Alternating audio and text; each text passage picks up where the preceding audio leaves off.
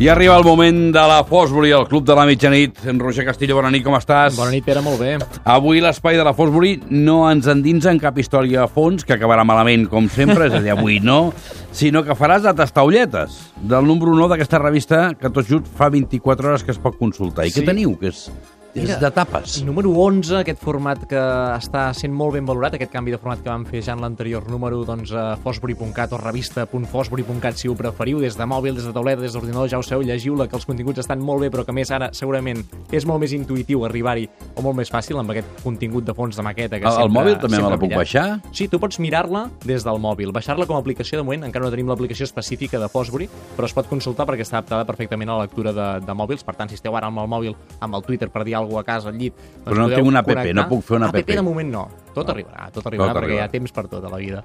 Uh, re, el número que parlem d'una relació entre l'esport i el territori, que segurament és una relació uh, doncs, central, intrínseca, estem condicionats allà on naixem per després acabar practicant un cert esport, amb qui ens relacionem, d'on prové aquesta persona també. Si vivim doncs, a, a un lloc molt concret com a un barri de Barcelona, com la Barceloneta, probablement estem predestinats a practicar en algun moment o altre waterpolo, Mhm. però si vivim a Terrassa probablement caurem en l'hoquei Hoquei herba. herba. I si anem fent aquest tipus de relacions, ens surt un mapa col·laboratiu que hem provocat doncs, una mica aquesta sacsejada Hosti, m'agradarà en veure-ho, aquest això. número.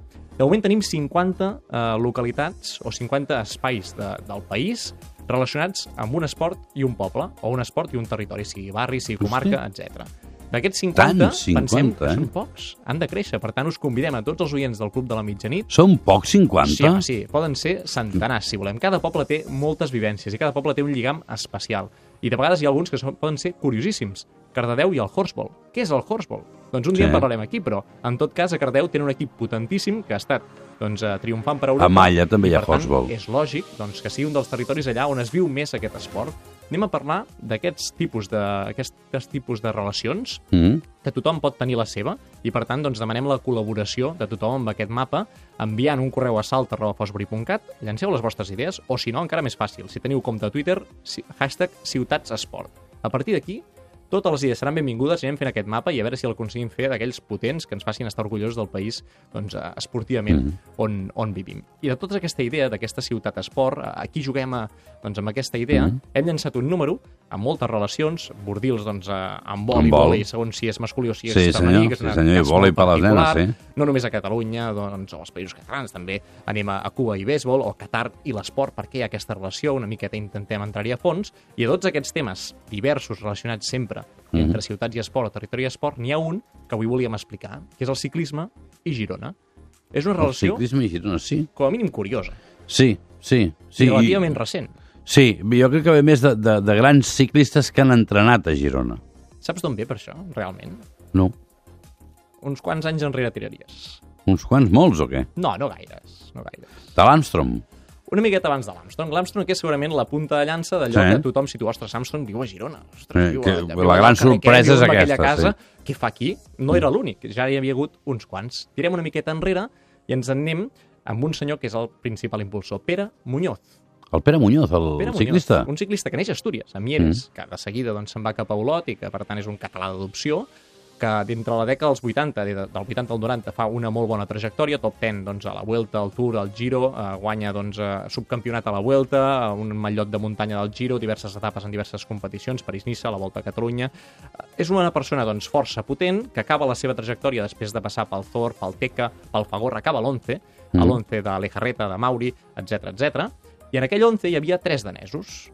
I ell el que fa és ser el primer que diu escolta'm, jo a Olot hi estic bé, a Girona estic bé, són unes terres boníssimes per venir a fer ciclisme, per què els danesos de l'equip, Alex Pedersen i els germans Wells, el Kenneth i el Johnny, per què no veniu cap aquí i ja estareu més a prop de l'estructura de l'11 i us sentireu més com a casa?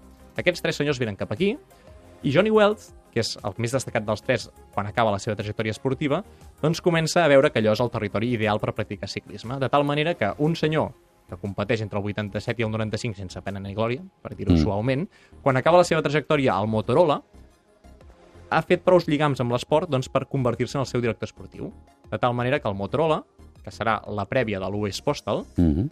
per tant, la prèvia, allò que acabarà assumint a Armstrong doncs, com una gran estrella aquest esport abans del dopatge, doncs acaba fent que Johnny Wells vegi que té tot de nord-americans, perquè és un equip nord-americà, el seu equip, Incapí, Hamilton, Van de, Van de Velde, que estan perduts, estan dispersos i que no estan treballant en equip, que no, no entrenen junts, que no, no hi ha aquest ambient doncs, de companyonia que després acaba provocant bons resultats i els convenç un a un que vagin venint cap a Girona, perquè diu que té la terra de tot, eh, prop del mar, prop de la muntanya, prop d'una gran ciutat com Barcelona i fins i tot doncs, té un clima excepcional sense cap eh, element negatiu a tenir en compte. Amb aquesta idea els va portant tots cap aquí, van assolint resultats, al final arriba Armstrong, al carrer de la Força Girona és un espai central, de fet Armstrong, la casa on viurà, havia estat la seu de la revista Presència anteriorment i havia estat una possible seu del Col·legi d'Advocats perquè ens fem mm, idea del tamany de la casa, però a nivell d'entrenament doncs, apareixen moltes rutes noves, des del de port de Rocacorba, des de Canet d'Adri, la gent que va cap a Tossa de Mar o que tira més cap a Olot, però sempre hi ha mm, recorreguts per fer. I és amb tota aquesta presència de tot un equip en massa allà que al final eh, el Johnny Wells, que va passant d'equip a equip, quan arriba amb el Garmin, decideix que l'estructura de l'equip ha d'anar a Girona. Ja la seu de l'equip oficialment, no només els corredors, no només casa seva, sinó que han d'entrar allà, han de tenir tota la seu allà. I és a partir d'aquesta petita trajectòria quan el ciclisme a Girona es consolida definitivament amb aquesta relació d'amor que, per què no dir-ho, la premsa estrangera ha posat en dubte que sigui només el tema carreteres, que sigui només el tema clima, i ha assenyalat doncs, doncs, com un espai de, de possible relació directa amb el dopatge, que això, com que no està demostrat, nosaltres doncs, no som qui avui ni per desmentir-ho ni per fer-ne res, però senzillament ho recollim perquè pensem que totes les opinions al voltant d'aquesta relació entre ciclisme i Girona, la majoria d'elles molt, molt, molt positives, les hem de posar sobre la taula. Doncs tu saps que dimecres que ve farem el programa des de Girona? I tant, per què? Perquè hi passa la volta. Sí. Uh, Roger, moltíssimes gràcies. A vosaltres. Bona nit.